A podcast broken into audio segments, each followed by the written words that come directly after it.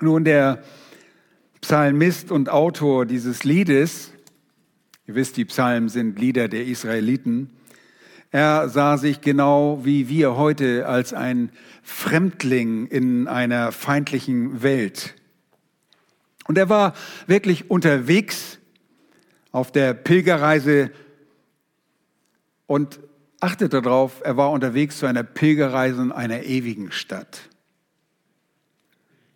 Ein paar seiner Pilgerschaftsprinzipien oder Wahrheiten werden wir in diesem Wallfahrtslied vor Augen gemalt bekommen. Die Wallfahrtslieder oder auch Stufenlieder, hebräisch Ma'alot-Lieder, wurden wahrscheinlich, Daniel hat es angekündigt, wahrscheinlich von den jüdischen Pilgern zu ihren drei verordneten Jahresfesten, die männlichen äh, Juden wurden verordnet, 5. Mose 16, Vers 16, beim Aufstieg, Aufstieg nach Jerusalem gesungen. Und diese Lieder erinnern gewissermaßen daran, dass das eigentliche Ziel nicht etwa die vergängliche irdische Stadt Jerusalem war, sondern die ewige Stadt.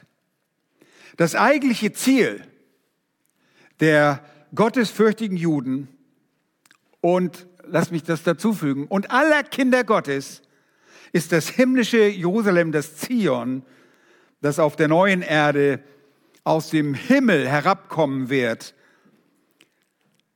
Natürlich freute sich der pilgernde Jude auch auf die gemeinsame Zeit mit seinen Glaubensbrüdern an einem besonderen Ort der Anbetung, dem irdischen Jerusalem, zusammen zu sein. Aber sein Ausblick war nicht ein irdischer. Und das verstand sogar vor Jakob, vor Israel, Abraham, der natürlich nicht nach Jerusalem pilgerte, weil es diese Anordnung noch nicht gab, es gab noch kein Gesetz. Dennoch wird von Abraham gesagt, wartete er auf die Stadt, welche die Grundfesten hat, deren Baumeister und Schöpfer Gott ist. Hebräer Kapitel 11, Vers 10. Die reisenden Pilger wurden durch die Texte dieser Psalmen daran erinnert, dass sie inmitten einer feindlichen Welt, in der sie für eine Weile lebten, auch angemessenes Heimweh auf ein perfektes Zuhause haben konnten. Und das hatten sie, so wie wir das auch haben. Und dieses Heimweh wird besonders deutlich in dem Psalm davor, im Psalm 120 und dort in Vers 6 zum Ausdruck gebracht. Dort wird das Sehnen des Psalmisten beschrieben. Dort heißt es, und dort spricht dieser Pilger, lange genug hat meine Seele gewohnt bei denen, die den Frieden hassen. Und weil es dieses Sehnen gab, freuten sich die bedrängten Juden, und ihr habt bei der Schriftlesung schon gehört, die Juden sollten sehr bedrängt werden, warum sie, weil sie was taten? Sie waren ungehorsam. Sie waren ungehorsam und wurden zerstreut unter alle Heiden bis zum heutigen Tag. Die Zeiten der Nationen sind heute noch da. Sie sind zerstreut. Mehr Juden leben außerhalb des Landes als im Land selbst. Sie sind zerstreut. Und die bedrängten Juden freuten sich, wenn sie dann aus der Diaspora oder aus den übrigen Landesteilen zusammenkommen konnten zu diesen Feiern, diesen drei Festen, zu denen sie verordnet waren in Jerusalem, Jahwe anzubeten. Nun, viele kamen auch aus Tradition, sie reisten einfach mit, nicht jeder war ein Überzeugter. Es gab leider nur ein Überbleibsel von wirklich treuen Juden, die das auch aus Liebe zum Herrn taten. Aber diese gemeinschaftliche Anbetung war eine Art Vorgeschmack auf das, was im himmlischen Jerusalem zu erwarten ist. Sie wurden gleichsam daran erinnert, dass sie unter den häufig schwierigen Umständen während ihrer geistlichen Pilgerschaft auf Erden nicht allein gelassen sein würden. Der Psalmist im Psalm 121 schärft zunächst seinen eigenen Blick für diese geistlichen Wahrheiten, die er dann an seine Leser und Zuhörer, und die Leser sind wir heute, weitergibt. Er zeigt ihnen die beständige Hilfe Gottes inmitten der feindseligen und der feindlichen Welt, in der auch der Autor als Pilger stand.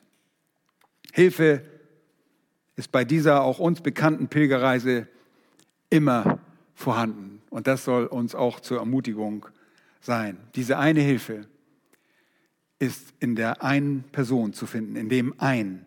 Und von diesem eins, einem lesen wir im Psalm 121. Aber bevor wir weiterfahren, lass mich noch beten für das Wort und für euch und für mich, dass wir das Wort Gottes recht verstehen und Gott anbeten. Herr, wir beten dich an. Danke für das Vorrecht, dass wir diese wunderbaren Psalmen heute in unserer eigenen Sprache vor uns liegen haben, dass wir uns erinnern dürfen an das, was es für diese treuen Juden, die treuen Israeliten, die deinem Wort gefolgt sind, bedeutet hat, ja, in einer feindseligen, feindlichen Welt zu leben.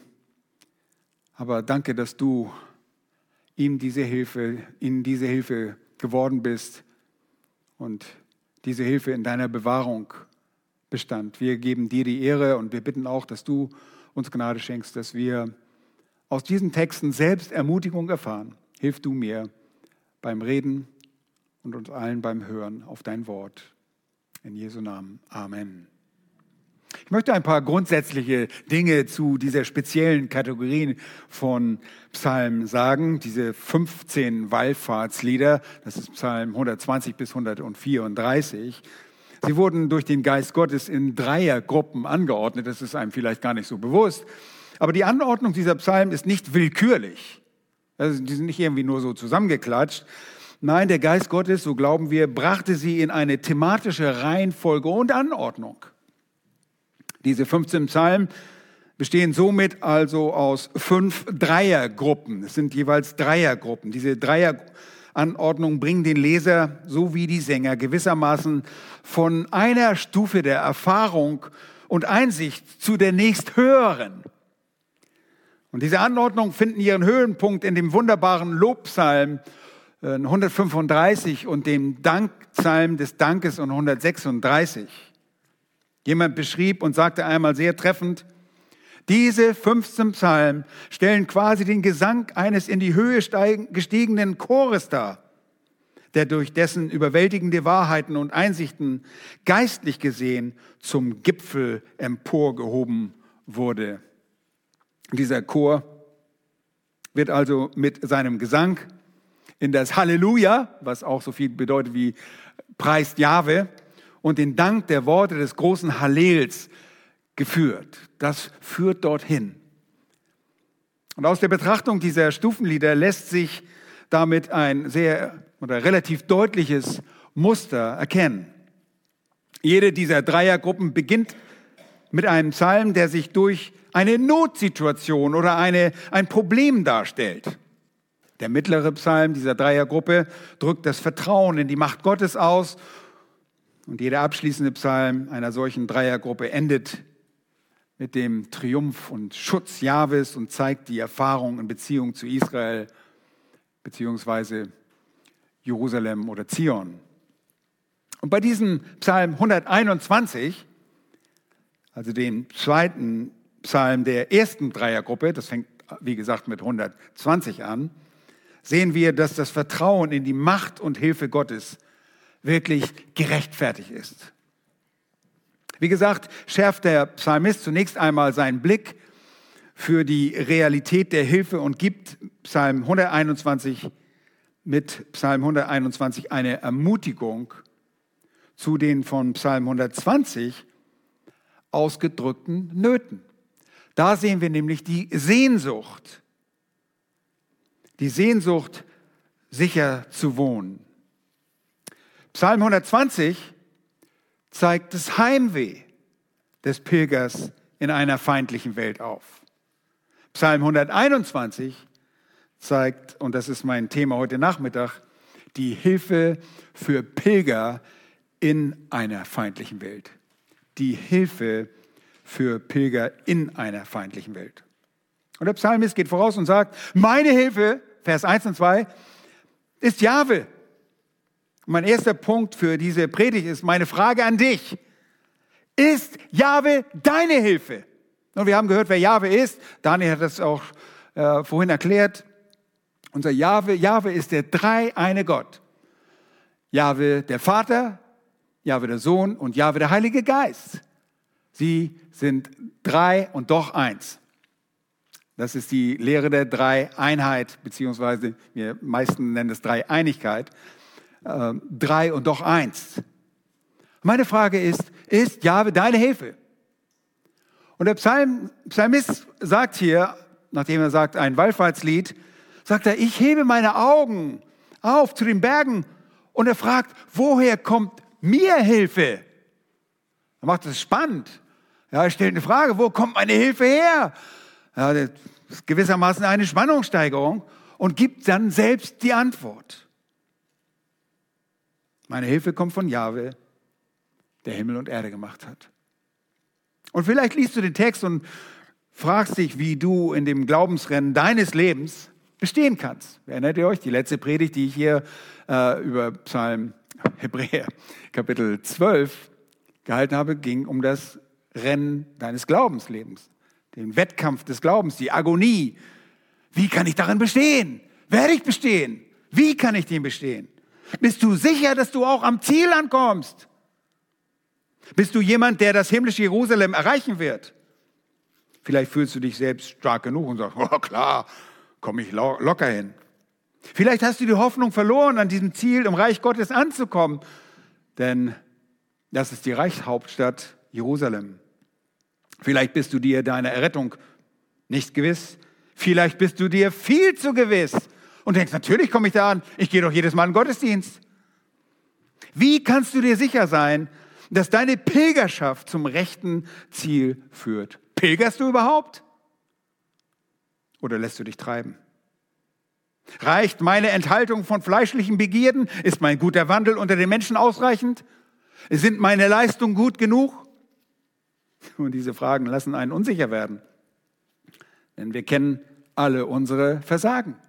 Wir wissen, dass wir versagen. Dieser Psalmist hatte ganz offensichtlich die Zuversicht in der feindlich gesinnten Welt, weil er einen Helfer hatte. Wer ist deine Hilfe? Wer ist deine Hilfe? Kannst du antworten, Jahwe ist meine Hilfe? Kannst du das wirklich sagen? Nun, woher hatte er diese Zuversicht? Es kam aus der Beziehung zu Jahwe selbst. Er liebte Jahwe. Woher weiß ich das? Das steht da nicht, steht nichts von Liebe. Nun, das sehe ich an seinem Vertrauen. Jemand, der Jahwe Gott liebt, der vertraut ihm. Und diese Zuversicht kam von Gott selbst. Sie kam von dem, der ihm Hilfe war. Sie kam von dem, den er liebte. Wie der Psalmist im Psalm 97, Vers 10 sagt, der sagt, die ihr Jahwe liebt, hasst das Böse, er bewahrt die Seelen seiner Getreuen und rettet sie aus der Hand des Gottlosen. Seht ihr, die ihr Jahwe liebt. Jemand, der eine Beziehung zu Gott hat, der liebt Gott, der liebt Jahwe Gott. Der liebt seinen Sohn, der liebt den Heiligen Geist, der liebt den Vater. Wir können das eine von dem anderen nicht trennen. Wir lieben diesen einen Gott, der sich in der Bibel geoffenbart hat. Und so hatte auch unser Schreiber die Gewissheit der Hilfe durch Jahwe, weil er ihn liebte und auf, sich auf ihn verließ. Er liebte Jahwe und das, alle, das ist wirklich das alles entscheidende Kriterium, ist genau diese biblische Liebe. Es ist nicht nur Glaube, es ist nicht nur ein Fürwahrhalten, oh ja, ich glaube, dieser Gott existiert und ich werde mir ähm, das mal auf meinen Kalender schreiben, dass er da ist. Nein, nein, nein. Er liebte ihn. Das war sein Leben. Und so wusste er, erstens, dass Gottes Name diese Hilfe in seinem Glaubensleben garantiert. Er stand in einer Beziehung, er wusste, dass Gott seine Hilfe war inmitten einer schwierigen, feindlich gesinnten Welt. Und Jahwe ist der Name unseres Gottes. Noch einmal, sein Name drückt sehr viel aus. Er drückt aus, dass er der, der ewige Gott ist, der ewig existierende. Es drückt seine Treue aus, und das haben wir gerade in 3. Mose 26 sehen können. Er hat nicht gesagt, Israel, ihr wendet euch von mir ab, ich lösche euch völlig aus. Er züchtet sie. Warum? Weil Israel wie der erstgeborene Sohn, ein erstgeborener Sohn ist. Als geliebtes Kind Gottes hatte nun dieser Psalmist Grund genug, hoffnungsvoll in seiner feindseligen Umgebung zu leben. Er hatte Hoffnung und Vertrauen in Jahwe. Ihr lieben Jahwe, der dreieine Gott, hat sich in der Geschichte der Menschheit und speziell in der Geschichte seines Volkes als wahrhaftig und treu erwiesen. Er wird sich, weil er der Ewige ist, auch weiterhin als der treue Hüter erweisen.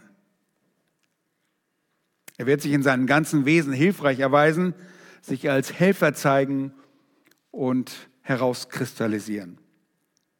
König David schreibt im Psalm 31 und Vers 24, liebt Jahwe alle seine Frommen. Jahwe bewahrt die Treuen. Nun, Jahwe ist der Bundesgott, wir haben das gelesen, der Bundesgott Israels, der bündnishaltende Gott, der absolut vertrauenswürdig ist. Niemals sagt er irgendwas, was er nicht einhalten wird. Äh, ihr wisst, wie das bei uns ist. Wir sagen Leuten irgendwas zu. Er sagt, ja, morgen komme ich zu dir. Und wir kommen nicht. Wir halten nicht mal diese einfachen Dinge. Wir müssen uns ständig revidieren. Jahwe, Gott revidiert sein, seine Aussagen niemals. Sein Wort muss nicht überarbeitet werden. Das, was er sagt, das hält er gewiss.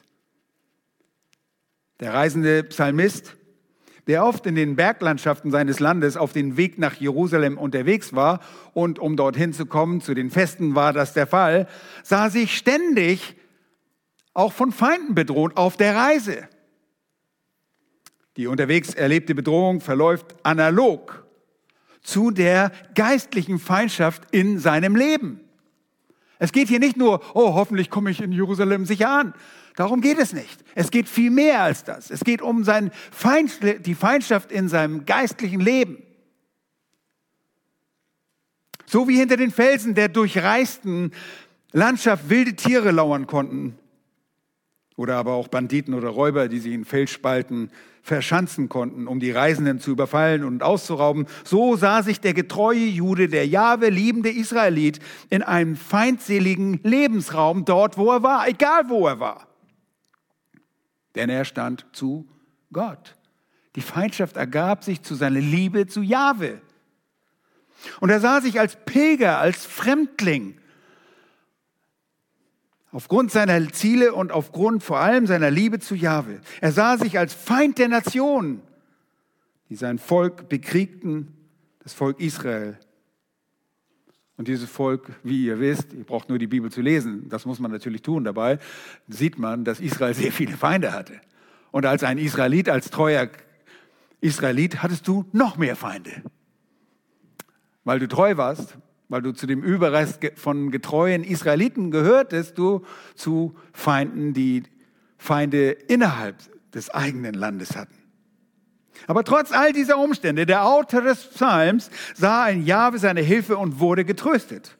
Er sah in Jahwe allein seine Hilfe. Und der Psalmist erhob seine Augen in Erwartung der Hilfe. Nun, immer wieder kommt die Frage auf, warum erhebt er seine Augen? Was soll dieser erste Satz? Nun, vielleicht erhob er seine Augen aus Furcht in jener feindlichen Umgebung, aus Furcht vor feindlich gesinnten Menschen aber er hebt seine Augen nicht nur irgendwie, sondern er hebt seine Augen, was steht da? Zu den, zu den Bergen. Oh, sind die Berge irgendwie hilfreich? Die reden doch nicht, oder? Nein. Aber es sind die Berge, vermutlich die Berge Zions, zu denen er aufblickt, während er nach Jerusalem reist. Sind das diese Berge? Wir wissen es nicht ganz genau. Ist es, weil er aus der Höhe Hilfe erwartet, dass er seine Augen erhebt? Und weil er vielleicht gerade in einem Tal ist? Und wo soll er auch hingucken? Wo kommt die Hilfe aus der Höhe? Vielleicht ist es das. Ist es, weil Jahwe sich oft auf den Bergen offenbarte? Es ist sehr interessant, ein Studium zu machen und zu sehen, wie oft sich Jahwe Gott auf Bergen Israels offenbarte und sich zeigte. Nun, Psalm, aus Psalm 133, Vers 3 erkennen wir, dass Jahwe auf den Bergen Zions den Segen verheißen hat. Leben bis in Ewigkeit. Psalm 133, Vers 3. Auf den Bergen. Oder erhebt der Psalmist vielleicht seine Augen zu den Bergen, weil Jahwe die Berge Israels zu Zeugen seiner verheißenen Wiederherstellung gemacht hat? Hm, wisst ihr was? Das, was er versprochen hatte, das haben die Berge gehört. Sie sind Zeugen. Schlagt einmal mit mir Ezekiel Kapitel 36 auf. Nur ein kleiner Ausflug dorthin. Mach es auch ganz kurz. Da spricht Jahwe selbst zu dem Propheten in Ezekiel 36 und er sagt, du, Vers 1, du aber Menschensohn weissage über die Berge Israels und sprich, ihr Berge Israels, hört auf das Wort Jahwes. Oh, der soll zu den Bergen reden. Wir denken, hm, plem, plem. Nein, nein. Achtung. So spricht Jahwe Adonai, weil der Feind über euch gesprochen hat. Haha, die ewigen Höhen sind unser Erbe geworden. So weissage nun und sprich, so spricht ich glaube Adonai Jahwe.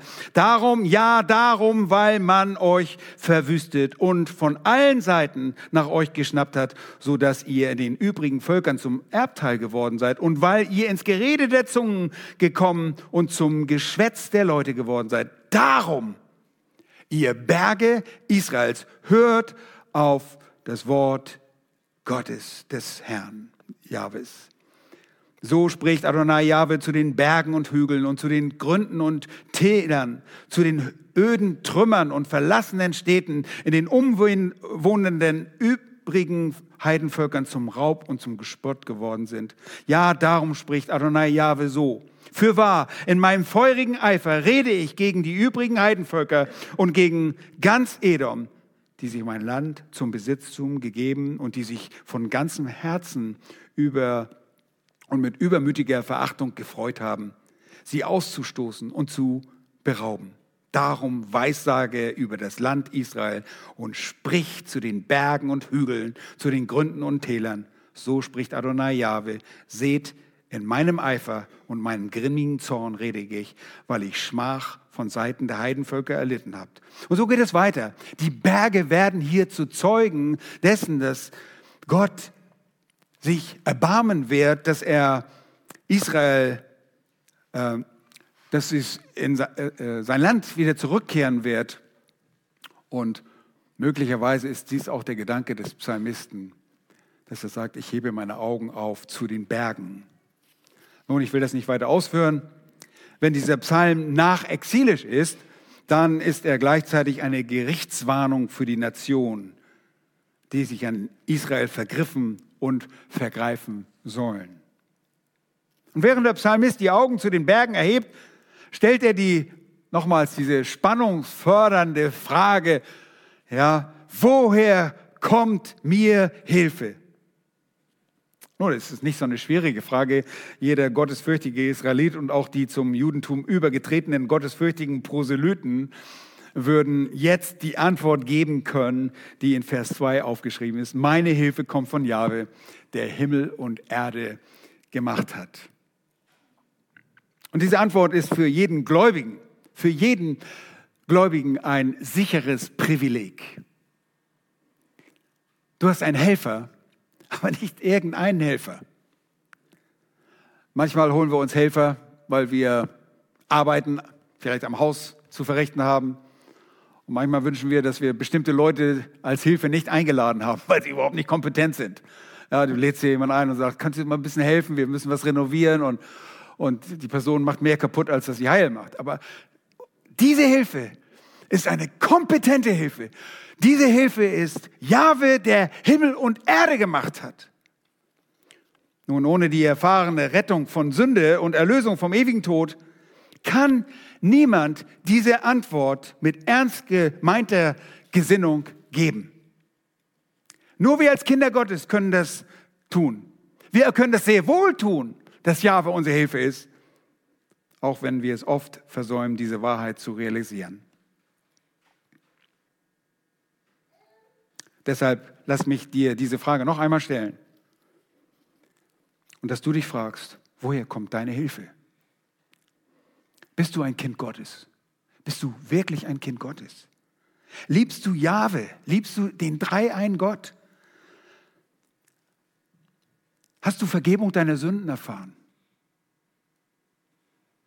Und wenn du das hast, bist du ein veränderter Mensch, sodass du seine Gebote liebst, dass du seine Gebote hältst und willst ihm gefallen. Ich weiß, wir werden das auch selbst als solche, die wir wiedergeboren sind, nicht perfekt tun. Aber tut es dir leid, wenn du sündigst? Reinigst du dich, nachdem du gesündigt hast? Kehrst du Sünde regelmäßig aus? Nun, das wirst du tun, wenn du ein Kind Gottes bist. Woran willst du sonst deine Liebe zu ihm festmachen? Nun, du kannst es an der Liebe zu deinen Geschwistern sehen. Wisst ihr, jeder gläubige Mensch, jeder gottesfürchtige Mensch und gottesgläubige Mensch liebt seine Geschwister. Der liebt die Brüder, heißt, sagt die Schrift. Du kannst es an der Wahl deiner Freunde sehen, an deinen Prioritäten. Du kannst es an deiner Brieftasche sehen, beziehungsweise dein Bankkonto. Du siehst, wo dein Geld hinfließt. So wie du deine Prioritäten im Leben setzt, das spricht Bände davon, ob du eine Beziehung zum lebendigen Gott hast. Nun, du kannst es an deinen Liebesdiensten sehen. All diese Dinge zeugen von der Liebe zu Jahwe. Selbst was du einem deiner geringen Brüder tust, das tust du Jahwe. Du kannst es vor allen Dingen an der Liebe zum Wort Gottes sehen. Frag dich, wie gerne liest du im Wort Gottes? Liebst du dieses Wort? Weil, wie sollen wir den unsichtbaren Gott lieben, wenn nicht in der Liebe zu seinem Wort, das wir vor uns liegen haben? Prüfe dich bitte. Prüfe dich und mach dir nichts vor. Nur weil du drei Minuten am Morgen deine stille Zeit gemacht hast und einen Haken dahinter gesetzt hast. Liebst du Gott? Meine Frau würde Danke sagen. Drei Minuten hast du mit mir geredet, den Rest des Tages redest du kein Wort mit mir. Das gibt's gar nicht. Prüfe dich, ob du den Herrn liebst. Mach dir nichts vor. Kommt deine Hilfe wirklich schon von Jahwe? Nochmals, der Psalmist predigt zunächst zu sich selbst, er schärft seinen eigenen Blick für die immer gegenwärtige Hilfe. Und er verinnerlicht diese wunderbare Wahrheit der gegenwärtigen Hilfe durch Jahwe, die ihn zur Ruhe bringt und sich sicher reisen lässt. Nicht nur auf der Reise, dieser Pilgerreise nach Jerusalem, sondern überhaupt in seinem geistlichen Leben, indem wir Pilger sind in einer Welt, in die wir nicht gehören. Unser geistliches Zuhause ist nicht hier auf dieser Welt. Unser Bürgerrecht ist im Himmel, von wo wir den Herrn Jesus Christus erwarten. Wir gehören hier, wir, wir ecken hier überall an. Unsere Maßstäbe, die passen hier irgendwie nicht rein. Ich meine, allein diese gesunde Gesinnung, die Leute denken, wir sind plemplem, dass wir nicht mitgehen mit diesem ganzen Gender-Kram. Ja? Die denken, wir, wir sind irgendwie lange Röcke und was nicht alles oder haben Dutt auf dem Kopf und oder sonst irgendwas. Die denken, wir haben ein, eine Klatsche. Ja? Aber wisst ihr was? Unsere Beziehung zu Gott ist entscheidend. Und wir können zur Ruhe kommen, wenn wir wissen, Jahwe ist meine Hilfe in einer feindseligen Welt. Nun, ob es sich nun auf einer physischen Reise nach Jerusalem bezog oder ob er die geistliche Pilgerschaft zu seinem endgültigen Ziel, dem himmlischen Jerusalem, vor Augen hatte. Er war in diesen beiden Dingen einfach getrost. Ich meine es ernst. Wie steht es mit dir? Woher kommt deine Hilfe? Woher erwartest du deine Hilfe? Nochmals, mir ist so bewusst geworden, wir können uns, ich kann mir selbst so viele Dinge vormachen. Suchst du deine Hilfe in den Veranstaltungen von Menschen, wo was los ist? Suchst du deine Hilfe bei Menschen selbst? Vielleicht setzt du deine ganze Hoffnung auf deinen Seelsorger? Suchst du deine Hilfe in den Programmen, die Menschen anbieten? Sagst du, oh, ich bin überall dabei. Oh, ich habe noch nichts verpasst. Ist das deine Hilfe? Nun, die Hilfe ist allein in Jahwe zu finden. Und er hat sich dir bereits seine Hilfe, in Hilfe erwiesen, wenn du ein Kind Gottes bist. Wie hilfreich ist Jahwe? Was kann er überhaupt? Nun, du weißt, er kann deine Schuld, deine Sünde vergeben, wenn du ein Kind Gottes bist. Aber hört mal, was der Psalmist sagt. Der Psalmist zeigt dir Jahwes Fähigkeit zu helfen. Sofort in Vers 2. Meine Hilfe kommt von Jahwe, der Himmel und Erde gemacht hat. Jahwes Schöpfung ist der ultimative Beweis seiner Allmacht. Jemand, der aus dem Nichts alles schaffen kann, was wir hier sehen. Der ist kompetent, oder? Mit dem wollen wir befreundet sein. Jahwe ist kompetent zu helfen. Gott ist in der Lage, diese Dinge zu tun. Und er ist es immer noch. Und wisst ihr, wer das gemacht hat? Durch das Wort hat er Dinge ins Dasein gerufen, aus dem Nichts. Theologen sagen ex nihilo. Er sprach mit einem Wort und es werde und es werde und es war und es geschah. Wisst ihr was? So kann Gott in deinem Leben, mit deinen Problemen, mit deinem großen Paket, das du so rumschleppst, kann ein Wort sprechen und alles ändert sich. So ist Gott. Und das hat der Psalmist erfahren. Deshalb hat er sich nicht mehr gekümmert. Er sagt, meine Hilfe, die, von, die kommt von Jahwe. Und dann führt er gleich seine Kompetenzen an. Ja, ich sag, ich hole mir, ja, ich muss meinen Keller renovieren. Ah, ich hole mir einen Klempnermeister. Der muss die Heizung erneuern. Ich hole mir nicht irgendwie so einen, so einen äh, Typen, der mal drei Rohre gebogen hat oder so, sondern ich hole mir den Klempnermeister. Der, das ist seine Kompetenz. Oh, Jahwe ist dazu in der Lage zu helfen. Und das erkannte und glaubte der Psalmist. Und wenn du das nicht sehen und glauben kannst, dann bist du wohl religiös, aber kein Kind Gottes. Und der Schreiber des Hebräerbriefes sagt, durch Glauben verstehen wir, dass die Welten durch Gottes Wort bereitet worden sind, sodass die Dinge, die man sieht, nicht aus Sichtbaren entstanden sind. Nun, leider gibt es genügend Gottesbekenner, die nicht glauben, was Jahwe über die Entstehung von Himmel und Erde sagt. Die sagen, oh nein, das hat sich irgendwie entwickelt, die Wissenschaft hat das ja bewiesen und so. Wisst ihr was? Wir können die Wissenschaft knicken. Die Wissenschaft von heute ist der Irrtum von morgen. Wir können uns auf Gottes Wort verlassen. Nun, selbst wenn Menschen ein Lippenbekenntnis zur Schöpfung ablegen, viele glauben das nicht. Die glauben es einfach nicht. Und das ist schlimm, vor allem, weil sich solche Leute sogar Christen nennen. Und es ist aber deshalb kein Wunder, wenn solche Menschen im Laufe ihres Lebens nicht nach Jahwes Hilfe fragen. Das sind nicht nur die einfachen Besucher einer Kirche, das sind religiöse Leute, das sind Pastoren, aber ganz recht. In Jeremia 2, Vers 8 prangert Jahwe das abtrünnige Volk und sogar deren religiöse Leiter an, dass sie nicht Jahwe suchten. Die suchten nicht die Hilfe. Die glaubten nicht daran. Dort sagt Jahwe selbst, Jeremia 2,8, die Priester fragten nicht, wo ist Jahwe? Und die mit dem Gesetz umgehen, erkannten mich nicht. Die Hirten fielen vor mir ab. Oder da meint er nicht die Schafhirten, sondern die Hirten des Volkes. Und die Propheten weissagten durch Baal und liefen denen nach, die nicht helfen können. Die können nicht helfen. Jahwe kann helfen. Aber die fragten nicht nach Jahwe. Jahwe aber ist der Einzige, der helfen kann. Und er wird mir helfen. Und er ist nicht nur, er ist nicht nur gewillt, sondern auch fähig, mir die nötige Hilfe in meinem Glaubensleben, in meiner Pilgerschaft, jetzt und im Hier auf dieser Erde zu erweisen. Die Schöpfung ist der Garant dafür, dass Jahwe fähig ist, nun, der Psalmist fährt fort und zeigt uns jetzt im zweiten Teil des Psalms, ab Vers 3, dass die Hilfe Jahwe nicht nur ihm persönlich zur Verfügung steht. Nein, sie gilt wohl dem gottesfürchtigen Israeliten, aber auch kollektiv und letztlich allen Kindern Gottes. Kollektiv, nämlich dem Volk Israel, aber letztlich allen Kindern Gottes. Um das deutlich zu machen, wechselt der Psalmist die persönlichen Fürworter. Ja, wir haben die Schriftlesung per, per äh, Gesang gemacht heute, aber wenn ihr in den Text hineinschaut, dann seht ihr in Vers 3 ändern sich diese, diese persönlichen Fürworte. Ich weiß, Grammatik ist nicht so euer Ding manchmal, aber guck mal, da steht nicht mehr ich und mir, sondern steht und meine, sondern da steht deine und dich. Ja, das sind, das sind diese Fürworte. Jetzt lenkt er seine Aufmerksamkeit weg von sich.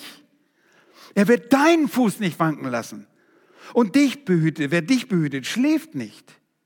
Siehe, der Hüter Israel schläft und schlummert nicht. Und gerade hat der Psalmist noch Jahwe als seine eigene Hilfe geredet. Jetzt will er seine geschärften Blicke auf seinen Geliebten mit seinen geliebten Brüdern teilen. Und er ermutigt sie und definiert deshalb diese Hilfe für sie. Und diese Definition der Hilfe kommt ab Vers 3. Deshalb mein zweiter Punkt dazu, analog der, äh, also analog dazu, der allen Kindern Gottes gilt, ist deshalb, deine Hilfe besteht in Jahwes Bewahrung. Okay, er sagt, meine Hilfe ist, ist Jahwe, aber was ist Hilfe? Was ist Hilfe? Er sagt es, sie besteht in deiner Bewahrung. Sie besteht in Jahwes Bewahrung. Das ist Hilfe. Wenn du in einer feindlichen, gesinnten Welt liebst, dann brauchst du Bewahrung. Das ist die Hilfe, die er hier betont. Geschwister, lasst uns die Wahrheiten dieser Verse gemeinsam einfach genießen. Die Hilfe besteht für uns in Jahwes Hilfe. Wir sind als Kinder Gottes auch darauf angewiesen. Wir können nicht bestehen da in dieser Welt. Und die Wahrheiten über die Wahrung des Schutzes und die Feststellung vom Behütetsein gelten uns auf dem Lebensweg inmitten der feindlichen Welt, in der wir uns auch heute bewegen. Und so war es auch für den gottesfürchten Israeliten. Diese Wahrheiten sind überwältigend und sie geben uns immensen Trost inmitten einer Welt, in der wir eigentlich Fremdlinge sind. Diese Wahrheiten lassen uns Hoffnung fassen. Angefangen mit der Tatsache, schaut mal in Vers 3, dass Jahwe uns vor fatalen Fehltritten bewahrt. Er bewahrt dich, Vers 3, vor fatalen Fehltritten. Er wird deinen Fuß nicht wanken lassen. Und es geht nicht darum, dass er mal ausrutscht, wie unser Robert und der jetzt so eine Schiene da am Fuß hat, ja. Darum geht es nicht. Ja, diese, die stetige Wachsamkeit wird hier ausgedrückt. Er schläft nicht, ja. Seht ihr das letzte da im, im Vers 3? Er schläft nicht. Und seine stetige Bewahrung deines Gottes garantieren dafür, dass du nicht straucheln wirst. Im Neuen Testament wird das von Judas so wunderbar ausgedrückt, dass er selbst in einen Lobpreis gerät über diese Wahrheit. Da sagt er nämlich in Judas 24 und 25, es gibt nur ein Kapitel, wie ihr wisst, dem aber, der mächtig genug ist, euch ohne Straucheln zu bewahren und euch unsträflich mit Freuden vor das Angesicht seiner Herrlichkeit zu stellen, dem allein weisen Gott, unserem Retter, gebührt Herrlichkeit und Majestät, Macht und Herrschaft, jetzt und in alle Ewigkeit. Amen. Seht ihr, Judas macht am Ende seiner Epistel genau das, was die Psalmisten am Ende des großen Hallels tun oder in dem Hallel tun. Sie loben und preisen Gott und beten an. Warum wirst du nicht straucheln? Warum wirst du nicht wanken, wie es der Psalmist sagt, Vers 3? Mit dem Wanken ist das Bild eines fatalen, tödlichen Fehltrittes gemeint.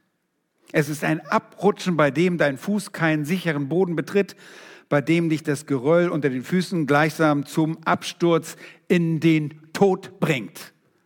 Dieses, diese Art von Wanken ist gemeint. Und das wird es für dich, das wird es für geistliche Menschen, für gläubige Menschen, Kinder Gottes, niemals geben. Du wirst nie ein Abtrünniger sein. Judas sagt, er wird dich bewahren ohne Straucheln. Der Psalmist sagt, er wird deinen Fuß nicht wanken lassen. Dieses Straucheln und Wanken ist nicht etwa wirklich ein temporäres Verirren in Sünde. Das tun wir alle. Das tun wir alle. Wir, wir irren manchmal rum und suchen nach Antworten. Das ist damit nicht gemeint, sondern damit ist Abtrünnigkeit gemeint. Der spricht gewissermaßen über die Nichtverlierbarkeit des Heils. Wenn du wirklich ein Kind Gottes bist, dann verlierst du dein Heil nicht. Gott bewahrt dich. Wir sind nicht auf ewig Christen, weil wir auf uns selber aufpassen, sondern weil Gott auf seine Kinder aufpasst. Deshalb, er wird dich nicht wanken lassen.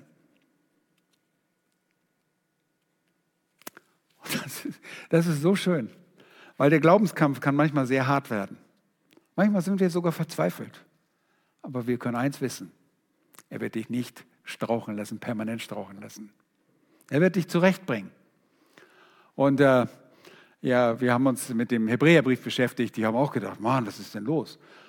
Die hatten vergessen, dass Gott sie als Söhne behandelte und sie zurechtwies. In Züchtigung. Wir brauchen das. Wir werden manchmal von Gott richtig zurechtgewiesen. Und wenn du ein Kind Gottes bist und nicht im Gehorsam lebst, dann geht es dir sauschlecht. Weil Gott dich zurechtbringen will. Und das ist gut so, weil er seinem Namen Ehre bereitet. Ein Abfallen vom Glauben gibt es in diesem Sinne aber nicht für dich. Deshalb musst du dir sicher sein, dass du ein Kind Gottes bist. Du musst wissen, dass du ein Kind Gottes bist.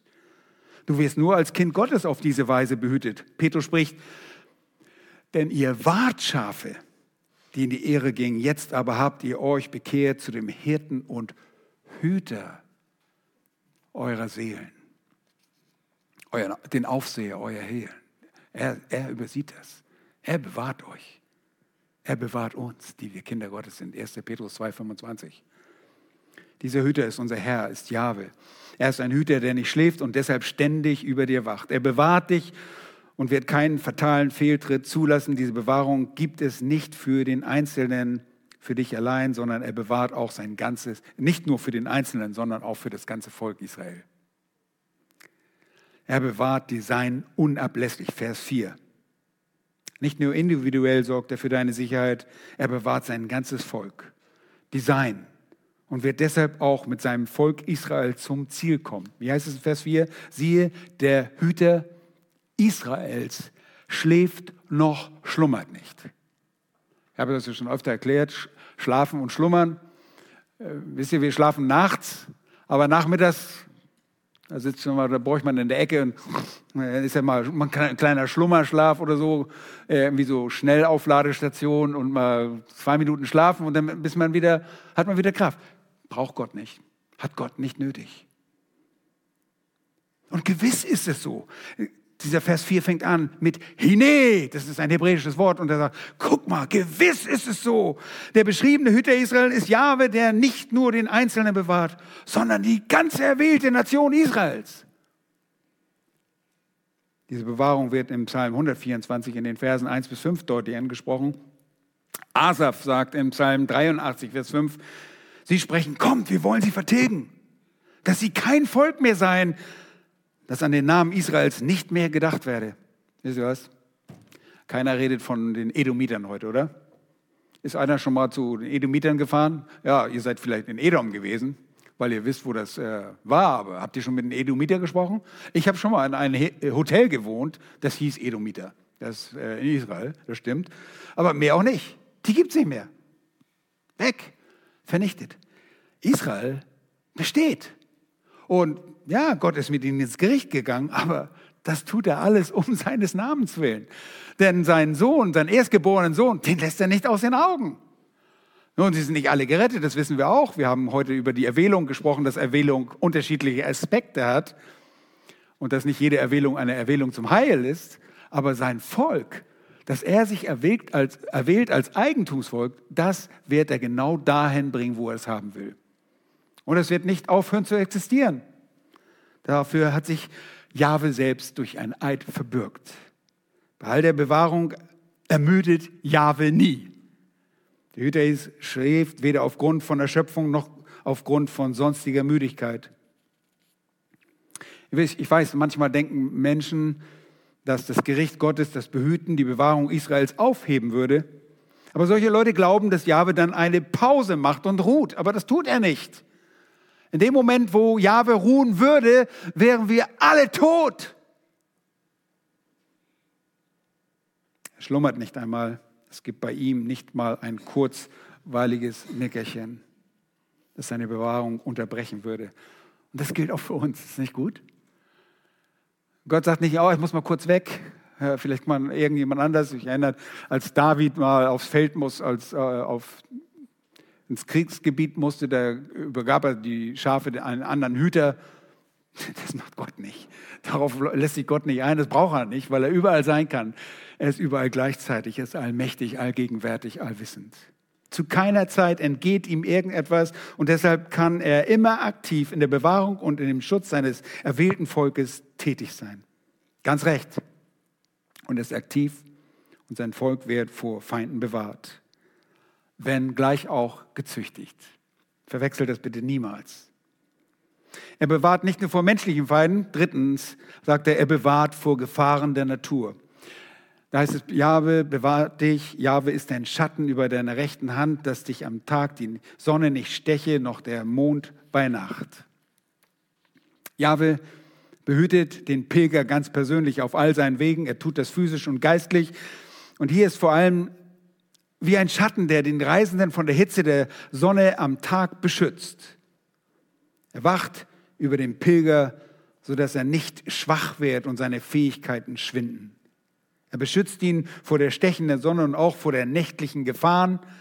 Nun, hier wird es äh, so ausgedrückt, der Schutz und die Bewahrung durch Jahwe werden den Sein rund um die äh, Uhr gewährleistet. Wahrscheinlich ist das eine Sprach, eine Sprachform, eine, aus, eine rhetorische Figur der Schreibkunst, die hier verwendet wird, ein sogenannter Merismus, der sagt, zu jeder Zeit am Tag und in der Nacht kommt diese Hilfe. Übrigens, der erste Vers fiel mir gerade noch ein, hat der, der James Irwin, Jim Irwin, der Astronaut von Apollo 15, äh, einmal zitiert, als er mit Houston in Kontakt trat, sagte er, ich hebe meine, dieser, Ver, dieser Blick erinnert mich an meinen Lieblingsvers, sagte er, ich hebe meine Augen zu den Herrn. Und wurde auf dem Mond zitiert, weil ich hier kommt mir gerade der Mond in den Sinn. Äh, früher hat man geglaubt, dass äh, der Mond auch bestimmte Krankheiten ausgelöst hat, auch ähm, Epilepsie. Äh, Im Englischen sagt man sogar Lunatic, das ist ein Verrückter.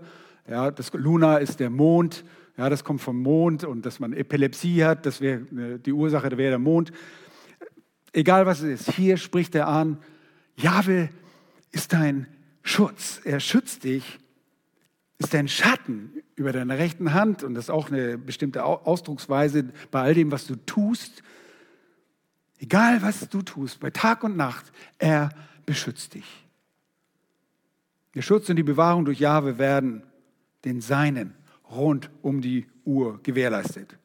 Stellt euch vor, zwei bis drei Uhr in der Nacht macht Jahwe eine, Aus, eine Pause. Ich sagte, in der Zeit würde jeder von uns sein Heil verlieren. Er bewahrt uns nicht nur physisch, sondern auch geistlich. Er garantiert dafür, dass wir am Ziel ankommen. Glaub nicht, bilde dir niemals ein, dass du sagst, oh, ich bin so ein toller Christ, ich komme da schon an. Du kommst nie an, wenn Jahwe dich nicht bewahren würde. Und das tut er rund um die Uhr, sowohl physisch als auch geistlich. Hey, wenn ich in den Flieger einsteige, bin ich in den Händen Jahwes. Wenn ich abstürze, bin ich bei ihm. Beförderung, ich sage euch das. Ja, weil ich mache mir immer Gedanken, wenn ich in so ein Flugzeug steige und jetzt auf der Reise nach Amerika saß ich wieder in so einem reingekrampft da und, und die eine Landung in, in Paris war, puh, ich, sage, ich dachte, wir ich habe gedacht, okay, Herr, ich komme, wenn das soweit ist, dann komme ich zu dir. Das ist Beförderung, oder? Wir können ja nichts verlieren als Kinder Gottes. Und deshalb, er bewahrt mich. Und wenn etwas passiert in unser Leben, was ist die Lehre der Providenz, der, äh, dass Gott uns einfach alles, was in unser Leben rein, muss uns zum Besten dienen. Egal was es ist. Selbst hört gut zu, eure eigene Sündhaftigkeit muss letztlich zum Besten dienen. Oh ja, ich weiß. Ich weiß, was ihr denkt, aber ich gehe nicht darauf ein. Und er kann mit allen Krisen umgehen in deinem Leben. In allen Krisen weiß er immer zu helfen. Deshalb, ob durch Wasser, Sturm, Sonne oder andere Himmelskörper oder durch den Feind selbst, durch Satan, wir brauchen nicht mal Satan, unser eigenes Fleisch macht uns genug Trouble. Die Hilfe, die wir von Jahwe bekommen, ist die Antwort auf der Pilgerschaft, in der wir stehen. Er ist da und besitzt immer und über alles die Kontrolle. Er ist also Hilfe bei allen natürlichen Gefahren. Und dann kommen wir zu Vers 7 und das ist gewissermaßen eine Zusammenfassung. Er bewahrt vor allem Bösen. Da heißt es, Jahwe behüte dich vor allem Übel, er behüte deine Seele. Und äh, egal was du erlebst, egal wie der oder das Böse dir begegnet, egal in welcher Person das Böse dir begegnen mag, Jahwe wird dich behüten. Nun, die Schlachter, die ich gerade vorgelesen habe, drückt das hier zwar wie ein Bittgesuch aus, wie ein Wunsch. Ich denke, die bessere Übersetzung ist hier wohl in der Elberfelder zu finden. Sie unterstreicht mit ihrer Übersetzung, dass Jahwe dich immer behüten wird.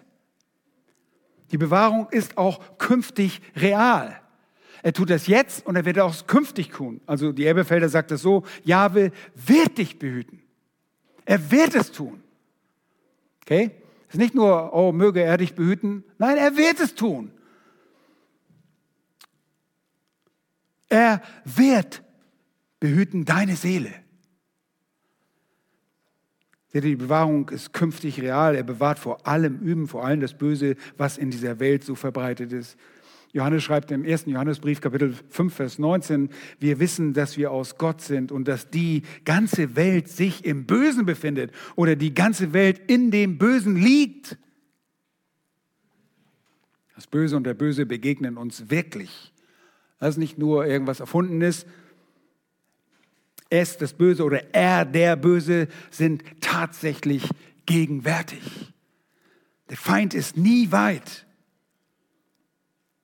Aber wir dürfen uns in der Hilfe und Bewahrung Gottes trotz allem sicher wissen. Satan und sein ganzes äh, Pandemonium, das ist seine ganze Anhängerschaft, seine ganzen Dämonen, ich glaube beim letzten Mal bin ich da auch schon gestolpert, sind ihm unterlegen. Sie können nichts ausrichten, was Gott nicht will. Und sie sind faktisch schon besiegt. Er behütet deine Seele.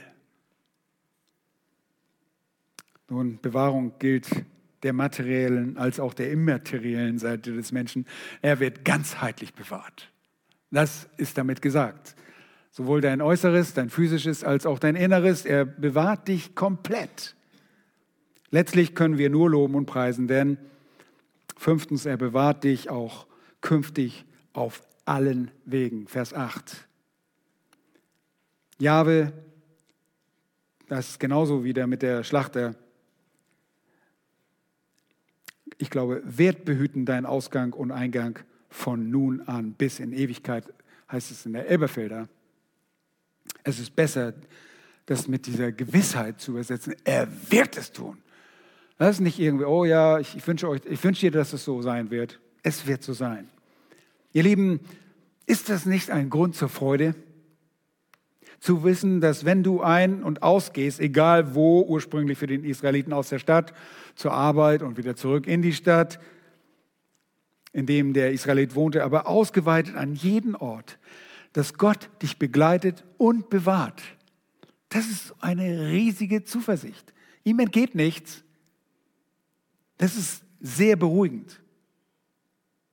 Jahwe ist um dich herum und bei diesem Rundumschutz gibt es auch nichts Kleingedrucktes. Ihr kennt das ja, diese Rundumschutzversicherung. Ja, dann schließt du eine Versicherung ab, fließt ins Ausland und machst eine Rundumschutzversicherung. Aber äh, Ausnahmeklausel hier und so. Es gibt hier keine Ausnahmeklausel. Da steht nicht, trifft leider nicht auf schwache Christen zu oder dergleichen. Steht da nicht. Nein, es gibt keine Ausnahmeklausel. Er bewahrt übrigens nur die Schwachen. Wusstet ihr das? Er bewahrt nur die Schwachen. Oh, na nu, also doch eine Ausnahmeklausel? Nein, es gibt keine anderen Menschen. Es gibt nur Schwache. Es wäre Überheblichkeit zu sagen, ich bin stark. Nein, es gibt niemand anderes. Vor, geringer, vor einiger Zeit sagte jemand, äh, der hier zum Predigen kam in die Gemeinde, sagt, ah, ich bin aber so schwach. Ich sage, gut, dann pass hier in unsere Reihen. Wir sind alle nur schwach. Es gibt keine Starken. Wir wollen dich gar nicht haben, wenn du meinst, dass du schwach, stark bist. Ah, da hast du recht, sagt er dann. Ja. Äh, und ja, das ist aber tatsächlich, wir realisieren das nicht. Das gilt nur für Schwache. Deshalb brauchen wir auch jemanden, der uns bewahrt. Deshalb brauchen wir Hilfe. Ha. Es gibt sicherlich solche, die sich auf etwas einbilden, wenn sie denken, sie sind stark, aber die Realität ist eine andere. Jahwe ist unsere Hilfe, seine Bewahrung werden wir aufgrund seiner Treue immer erleben, jetzt und in alle Ewigkeit, egal wo du auch gehen magst, er wacht über dir. Unser Leben ist in dieser feindlichen Welt wirklich schwierig und kann sehr entmutigend sein. Leute sagen niemals, wir werden nie entmutigt sein. Doch, wir sind entmutigt und deshalb brauchen wir Hilfe. Bitte wundere dich darüber, wenn du entmutigt bist. Das kommt vor. Das ist nichts, nichts Ungewöhnliches. Wir beginnen so manches Mal zu jammern und zu klagen. Und wir kennen auch das Heimweh aus Psalm 120. Wir wollen zum Herrn. Paulus sagt, ich habe Lust abzuscheiden, um beim Herrn zu sein. Der wollte auch zum Herrn. Ihr Lieben, aber das ist nicht alles. Denn unser Gott, Jahwe, der alleinige Gott, macht uns auch dankbar und froh und sicher, sodass wir mit festen Tritten pilgern können. Ständig die Gewissheit zu haben, meine Hilfe ist da. Mir passiert nichts. Ja, heute hat auch ein, ein Bruder dieses Zeugnis gegeben, hat gesagt, einfach zu wissen, ich, ver, ich vertraue dem Herrn meine Wege an und er wird für mich sorgen. Brauche mir brauch nicht unruhig sein. Jahwe ist ein Helfer in der Not. Er ist ein persönlicher Helfer und auch der bewahrende Helfer seiner Braut, der Gemeinde. Und diese Hilfe leistet er, ohne dabei seine Hilfe für Israel aufgeben zu müssen. Kann alles gleichzeitig. Yes, he can. Ja, der Herr kann. Lass uns ihm danken und dafür anbeten. Jahwe Gott, wir danken dir von ganzem Herzen für die Zuversicht und die Hoffnung, die wir aus den Schriften des Alten Testaments fassen können. Danke für die Zuversicht, die wir haben können, weil du dich unser erbarmst und der Sünder erbarmst. Herr, du sagst, kommt her zu mir alle, die ihr mühselig und beladen seid. Ich will euch erquicken. Herr, und unsere Erquickung besteht darin, dass du uns auch willig vergibst, wenn wir mit aufrichtigen Herzen zu dir kommen, unsere Schuld und Sünde bekennen. O Herr, wir sind so schuldig vor dir, wie das Volk Israel schuldig ist vor dir und eines Tages auch erkennen wird, dass sie vor dir schuldig geworden sind, dass sie dich sogar gekreuzigt haben. Herr, wir bringen dir unsere Versagen, unsere Schuld, unsere Sünde. Heilige du uns, heilige uns durch dein Wort. Mach du uns ähnlich und gestalte du uns um in das Bild deines lieben Sohnes, dass wir ihm gleich sind. Herr, und hilf uns auch Mut zu fassen, weil wir wissen, du bist da. Schenk, dass wir dir glauben dass wir nicht nur irgendwelche Theoretiker sind, die Dinge zwar wissen, aber nicht umsetzen können. Hilf uns, das, was wir erkannt haben, in deinem Wort, in unserem eigenen Leben einfließen zu lassen.